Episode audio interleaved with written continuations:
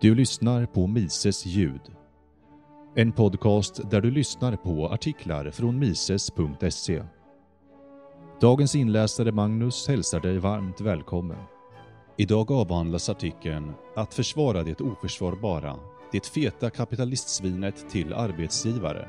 Författare Walter Block publicerades på mises.se 9 oktober 2013.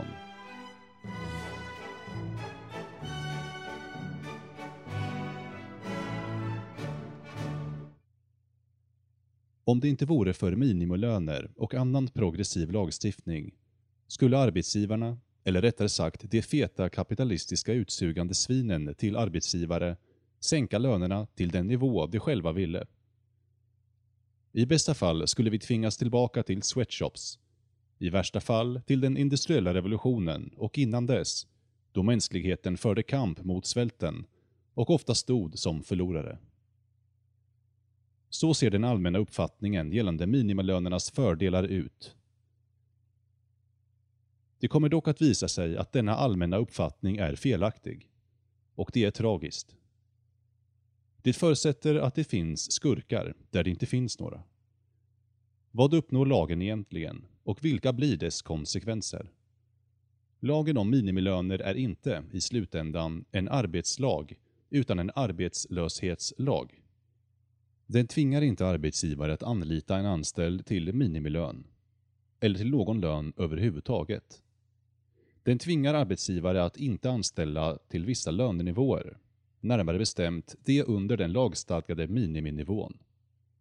Den tvingar arbetstagaren att säga nej till arbeten oavsett hur gärna han än vill ta ett jobb till en lön under minimilönen. Den tvingar arbetaren, som står i valet mellan ett låglönearbete och inget arbete alls, att välja arbetslöshet. Inte heller driver lagen upp några löner. Den tar endast bort det som inte lever upp till kraven. Hur skulle lönerna sättas i frånvaron av en minimilönslagstiftning? Om arbetsmarknaden består av många som erbjuder arbete, arbetskraft, och många som efterfrågar arbetskraft, arbetsgivare, tenderar lönen att sättas till det som ekonomer kallar marginalprodukten av arbete. Arbetets marginalprodukt är den intäkt som en arbetsgivare får om han anställer en viss anställd. Med andra ord, om intäkterna stiger med 60 dollar i veckan när arbetsgivaren anställer en arbetare, så är den marginella produktiviteten för den arbetaren 60 dollar i veckan. Den lön som arbetstagaren får tenderar att motsvara arbetarens marginalprodukt. Varför är det så? Med tanke på att arbetsgivare föredrar att inte betala arbetstagaren nästan någonting alls, oavsett vad han producerar. Svaret är konkurrens mellan arbetsgivare. Antag till exempel att marginalproduktiviteten för en arbetare motsvarar 1 dollar per timme. Om man anställs för 0,05 dollar per timme skulle arbetsgivaren tjäna en vinst på 0,95 dollar i timmen. Andra arbetsgivare skulle då vara villiga att betala arbetaren mer. Även om de betalade honom 0,06 dollar, 0,07 dollar eller 0,10 dollar per timme skulle det fortfarande vara värt det. Uppbjudningen av lönen skulle stanna på 1 dollar per timme. Först när lönen motsvarar marginalprodukten skulle initiativen för att erbjuda en arbetare högre lön försvinna. Men anta att arbetsgivaren tillsammans kommer överens om att inte anställa arbetskraft för mer än 0,5 dollar per timme. Det här inträffade under medeltiden, då karteller av arbetsgivare med statens hjälp gick samman för att driva igenom lagar som förbjöd arbete över en specifik maxilön. Sådana överenskommelser kan endast lyckas med statlig hjälp och det finns goda skäl för att så är fallet. I en situation utan karteller anställer arbetsgivaren det antal arbetare som man tror kommer att dra in maximalt med vinst. Om arbetsgivaren endast anställer tio arbetare beror det på att han tror att produktiviteten hos den tionde kommer att vara högre än lönen han måste betala, medan produktiviteten hos den elfte kommer att vara lägre om sedan en kartell lyckas sänka lönerna för arbetare med en dollars produktivitet till 0,5 dollar kommer varje arbetsgivare att vilja anställa många fler arbetare. Det här fenomenet är känt som avtagande efterfrågekurvor. Ju lägre pris, desto mer vill folk köpa. Arbetaren vars produktivitet i arbetsgivarens ögon låg strax under en dollar och därför inte var värd att anställas till det priset kommer utan problem bli anställd för 0,5 dollar per timme. Det här leder till kartellens första problem. Varje arbetsgivare som deltar i kartellen har stora ekonomiska initiativ att bryta mot den. Arbetsgivarna kommer att försöka ta arbetare från varandra och det enda sättet de kan göra detta på är genom att erbjuda högre löner. Hur mycket högre? Jo, upp till en dollar. Precis som vi har sett innan och av samma skäl. Kartellens andra problem är att personer utanför kartellen skulle vilja anställa arbetstagare för 0,5 dollar per timme, även om det inte var någon som bröt mot kartellen. Det här skulle också driva upp lönerna från 0,5 dollar till 1 dollar per timme. Andra, såsom arbetsgivare i kartellfria områden, enskilda hantverkare som förut inte haft råd att anställa och arbetsgivare som innan endast anställt deltidsanställda, skulle alla bidra till denna uppåtgående lönetrend. Informationen behöver inte vara fullständig. Även om de anställda själva är okunniga om vilka löner som betalas på andra ställen eller befinner sig isolerade i områden där det inte finns någon alternativ arbetsgivare, så kommer dessa krafter att verka. Det är inte nödvändigt att båda parter i handel har kunskap om alla relevanta villkor. Det sägs ibland att om inte båda parterna är välinformerade kommer det att resultera i att konkurrensen inte fungerar perfekt och de ekonomiska lagarna kommer av någon anledning att sluta gälla. Detta är dock felaktigt. Arbetare har ofta inte övergripande kunskap om arbetsmarknaden medan arbetsgivarna förmodligen är mer välinformerade. Det är allt som är nödvändigt. Även om arbetaren inte känner till alla alternativa arbetsmöjligheter vet han tillräckligt för att ta det jobb som betalar bäst. Det enda som är nödvändigt är att arbetsgivaren presenterar sig själv för den anställde som tjänar lägre än sin marginalprodukt och erbjuder honom en högre lön. Det här är precis vad som händer naturligt. Arbetsgivarnas egenintresse leder dem som av en osynlig hand till att lokalisera låglönearbetare, erbjuda dem högre löner och därmed förbättra deras situation. Processen tenderar att höja lönerna till marginalprodukten. Detta gäller inte bara arbetare i städerna, utan även i de isolerade områdena som inte känner till alternativa arbetsmöjligheter och som inte har råd att flytta, även om de gjorde det. Det är sant att skillnaden mellan lönenivån och produktiviteten hos en lågutbildad arbetare måste vara stor nog att kompensera arbetsgivaren för kostnaden att komma till den anställde, informera honom om alternativa arbeten och betala kostnader för att transportera honom dit. Det är den dock nästan alltid och arbetsgivare har länge varit medvetna om det. De mexikanska säsongsarbetarna är ett exempel på detta. Få grupper har mindre kunskap om arbetsmarknaden i USA och mindre pengar för att flytta till bättre jobb. Arbetsgivare i södra Kalifornien reser inte bara hundratusentals mil för att hitta dem. De bidrar också med lastbilar och respengar för att transportera dem norrut. Faktum är att arbetsgivare, så långt borta som i Wisconsin, reser till Mexiko för billig arbetskraft. Arbetskraft som tjänar mindre än sin marginalprodukt. Detta är ett tydligt bevis på att obskyra ekonomiska lagar, som det aldrig har talas om, faktiskt fungerar. Klagomål om de dåliga arbetsvillkoren dessa invandrade arbetare har kommer mestadels från välmenande människor som är omedvetna om den ekonomiska verkligheten och från de som inte tycker att dessa stackars arbetare ska behöva arbeta till dessa löner. Mexikanska arbetare själva föredrar lönerna och arbetsvillkoren framför alternativen hemma. Det märks på deras vilja att år efter år komma till USA under skördesäsongen. När lönerna höjs med lagens hjälp avskedas arbetare med låg produktivitet. Det är inte minimilönen som står mellan den västerländska civilisationen och en tillbakagång till stenåldern. Det är marknadskrafterna och det vinstmaximerande beteendet hos entreprenörer som ser till att lönerna inte sjunker under produktivitetsnivån. Produktionsnivån i sin tur bestäms av teknologi, utbildning och mängden kapital i ett samhälle. Inte av mängden socialt progressiv lagstiftning. Lagstiftning om minimilöner gör inte vad den utger sig för att göra. Så vad gör den? Vilka är dess verkliga effekter? Hur kommer den typiska arbetaren att reagera på en lagstadgad löneökning från en dollar till två dollar? Om han redan är heltidsanställd kommer han kanske vilja arbeta fler timmar. Om han är deltidsanställd eller arbetslös är det nästan säkert att han kommer vilja arbeta mer. Den typiska arbetsgivaren kommer å andra sidan att reagera på motsatt vis. Han kommer att avskeda nästan alla de arbetare vars löner han tvingats höja. I annat fall skulle han ha höjt deras löner redan innan han tvingades till det. Eftersom han måste hålla produktionen uppe kommer han kanske inte kunna anpassa sig till situationen direkt. Men när tiden går kommer han att ersätta sina oväntat dyra, outbildade arbetare med färre, men mer utbildade arbetare och med mer sofistikerade maskiner, så att hans totala produktivitet förblir konstant.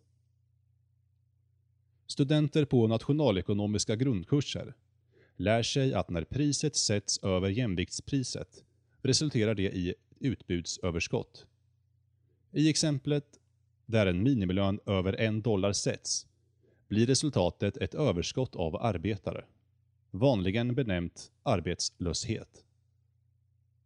Den omskakande sanningen är alltså att minimilöner skapar arbetslöshet. Det höga löneläget gör att fler människor vill arbeta, samtidigt som färre arbeten erbjuds. Minimilönerna skadar. Den enda frågan öppen för debatt är hur mycket arbetslöshet minimilönen skapar. Det beror på hur snabbt outbildade arbetare ersätts med utbildade arbetare och maskiner som är lika produktiva. I den amerikanska historien kan vi se att när minimilönerna en gång i tiden höjdes från 0,4 till 0,75 dollar per timme började hissoperatörer att bytas ut. Det har tagit lite tid, men de flesta hissarna är nu automatiska. Samma sak hände med outbildade diskare. De har blivit, och blir fortfarande, utbytta mot automatiska diskmaskiner som styrs av lagas av halvutbildade och utbildade arbetare. Processen fortsätter i takt med att lagstiftning om minimilöner börjar omfatta fler och fler grupper av den outbildade befolkningen. Så ökar arbetslösheten i dessa grupper. Slutligen är det viktigt att inse att minimilönen endast direkt påverkar de som tjänar mindre än minimilönen. En lag som kräver att alla ska tjäna minst 2 dollar har ingen effekt på en individ som tjänar 10 dollar. Men innan man antar att minimilönerna endast leder till löneökningar för lågutbildade måste man fundera på vad som skulle hända om det infördes en minimilön på 100 dollar. Hur många av oss har så stor produktivitet att arbetsgivare är beredda att betala 100 dollar för en timme av våra tjänster? Enbart de som bedömdes vara värda så mycket pengar skulle få behålla jobben. Resten skulle bli arbetslösa. Det här exemplet är naturligtvis ett extremfall. Men principen som skulle råda om en sådan lag infördes gäller även nu. När lönerna höjs med lagens hjälp avskedas arbetare med låg produktivitet. Vilka skadas av minimilönerna? De outbildade, vars produktivitet ligger under den lagstadgade minimilönen. Arbetslöshetsnivån för svarta manliga tonåringar uppskattas till 50%. Det vill säga tre gånger högre än arbetslösheten under depressionen 1933. Och den här siffran innefattar inte ens de som har gett upp att söka jobb på grund av den utbredda arbetslösheten. Den förlorade arbetsinkomsten som detta innebär är bara toppen på ett isberg. Än viktigare är den arbetsträning som dessa unga män skulle kunna få. Om de arbetade för en dollar eller mindre istället för att vara arbetslösa vid två dollar i timmen. skulle de lära sig saker som skulle göra det möjligt för dem att öka sin produktivitet och lön över 2 dollar i framtiden.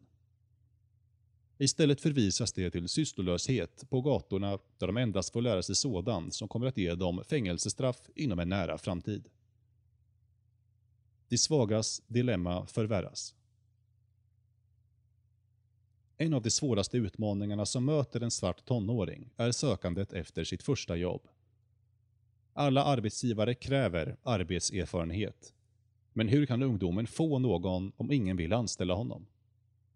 Detta beror inte på någon konspiration mellan arbetsgivare för att stänga ute minoritetsungdomar. Det beror på minimilönen. Om en arbetsgivare ändå tvingas betala för arbetskraft med erfarenhet är det då förvånande att han efterfrågar den sortens arbetskraft. Paradoxalt nog är många svarta tonåringar förmodligen värda betydligt mer än minimilönen. Men de är ändå arbetslösa på grund av den. För att bli anställd med en minimilön på 2 dollar räcker det inte att vara värd 2 dollar.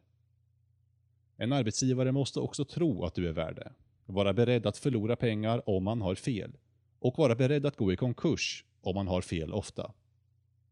Med en minimilön kan en arbetsgivare inte ha råd att ta risker och tyvärr anses ofta svarta tonåringar vara riskabla att anställa. Vid mötet med en tveksam arbetsgivare kunde en Horatio Alger-hjälte erbjuda sig att arbeta för en pyttelön, eller för ingenting alls, under en period på två veckor. Under denna tid skulle vår hjälte bevisa för arbetsgivaren att hans produktivitet var värd en högre lön. Han skulle också, vilket är än mer viktigt, tillsammans med arbetsgivaren bära risken för att anställa en oprövad arbetare. Arbetsgivaren skulle gå med på det här arrangemanget eftersom man inte skulle riskera mycket. Men Horatio Algerhjälten behövde inte slåss med en lagstiftning om minimilöner, som gjorde ett sådant förlopp olagligt. Lagen ser till att det finns färre chanser för den svarta tonåringen att bevisa sitt värde på ett ärligt sätt. Minimilönen skadar inte enbart den svarta tonåringen, utan även den svarte gettohandelsmannen eller företagaren. Utan lagen skulle han, till skillnad från sin vite motpart, ha tillgång till en mängd billigt arbete utfört av svarta tonåringar. Ungdomarna skulle vara mer tillgängliga för honom då de tenderar att bo i gettot och ha lättare att ta sig till arbetsplatsen. Han skulle också otvivelaktigt hysa mindre tvivel gentemot och ha ett bättre förhållande till en svart entreprenör. Då detta är en av de viktigaste sakerna som avgör produktiviteten skulle den svarta arbetsgivaren kunna betala sina arbetare mer än den vite och ändå gå med vinst. Även om minimilönernas effekter för de unga svarta arbetarna är olyckliga så drabbar än en större tragedi de handikappade inom arbetskraften. De lama, blinda, döva, amputerade, förlamade eller mentalt handikappade. Minimilönen gör på ett effektivt vis det olagligt för vinstsökande arbetsgivare att anställa handikappade människor. Allt hopp om åtminstone en liten möjlighet att klara sig själv om intet görs därmed. Den handikappade ställs istället inför valet mellan sysslolöshet och offentligt stödda låtsasarbeten, som består av triviala aktiviteter som är lika nedslående som sysslolöshet. Att sådana låtsasarbeten stöds av en regering som gör hederligt arbete omöjligt är en ironi som få handikappade skulle finna roande. På 70-talet kom i USA vissa grupper av handikappade, lätt handikappade, att undantas från minimilönerna. Det är nu därför i arbetsgivarens intresse att anställa lätt handikappade och de har nu arbeten. Men om man har insett att minimilönerna skadar chanserna till jobb för lätt handikappade, borde man inte inse att det även minskar chanserna för andra? Varför är allvarligt handikappade inte undantagna? Vilka gynnas istället? Om minimilönen inte skyddar individen som den har tänkt att skydda, vems intressen upprätthåller den då? Varför drevs en sådan lagstiftning igenom?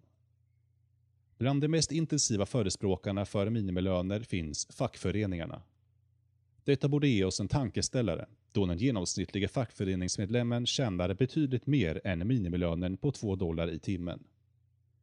Om han redan tjänar 10 dollar, vilket vi har sett, överensstämmer hans lön med lagkraven och påverkas därför inte av minimilönen.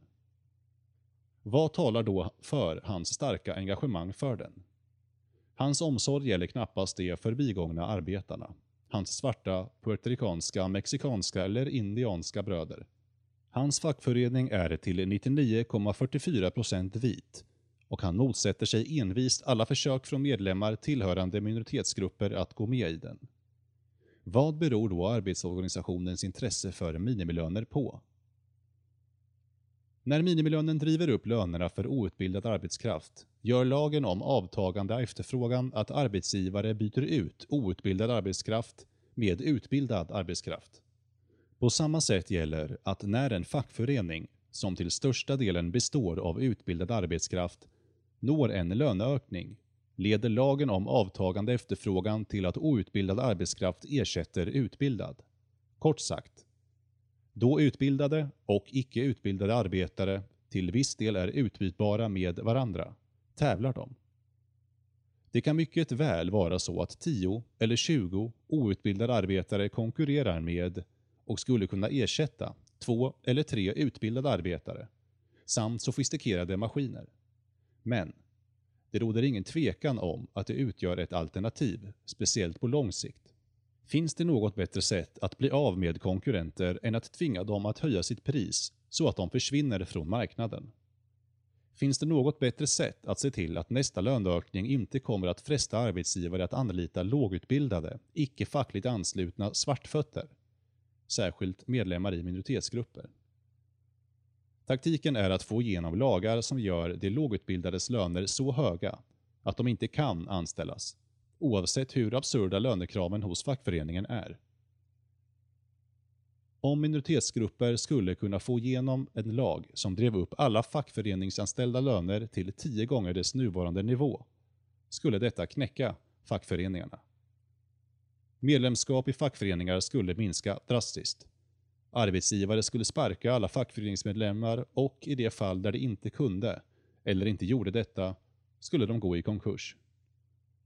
Förespråkar fackföreningar medvetet en sådan skadlig lag? Här bryr vi oss inte om motiven utan enbart handlingarna och dess konsekvenser. Effekterna av minimilöner är förödande. De slår direkt mot de fattiga, de lågutbildade och medlemmar ur minoritetsgrupperna alltså precis mot de människor som de var tänkta att hjälpa.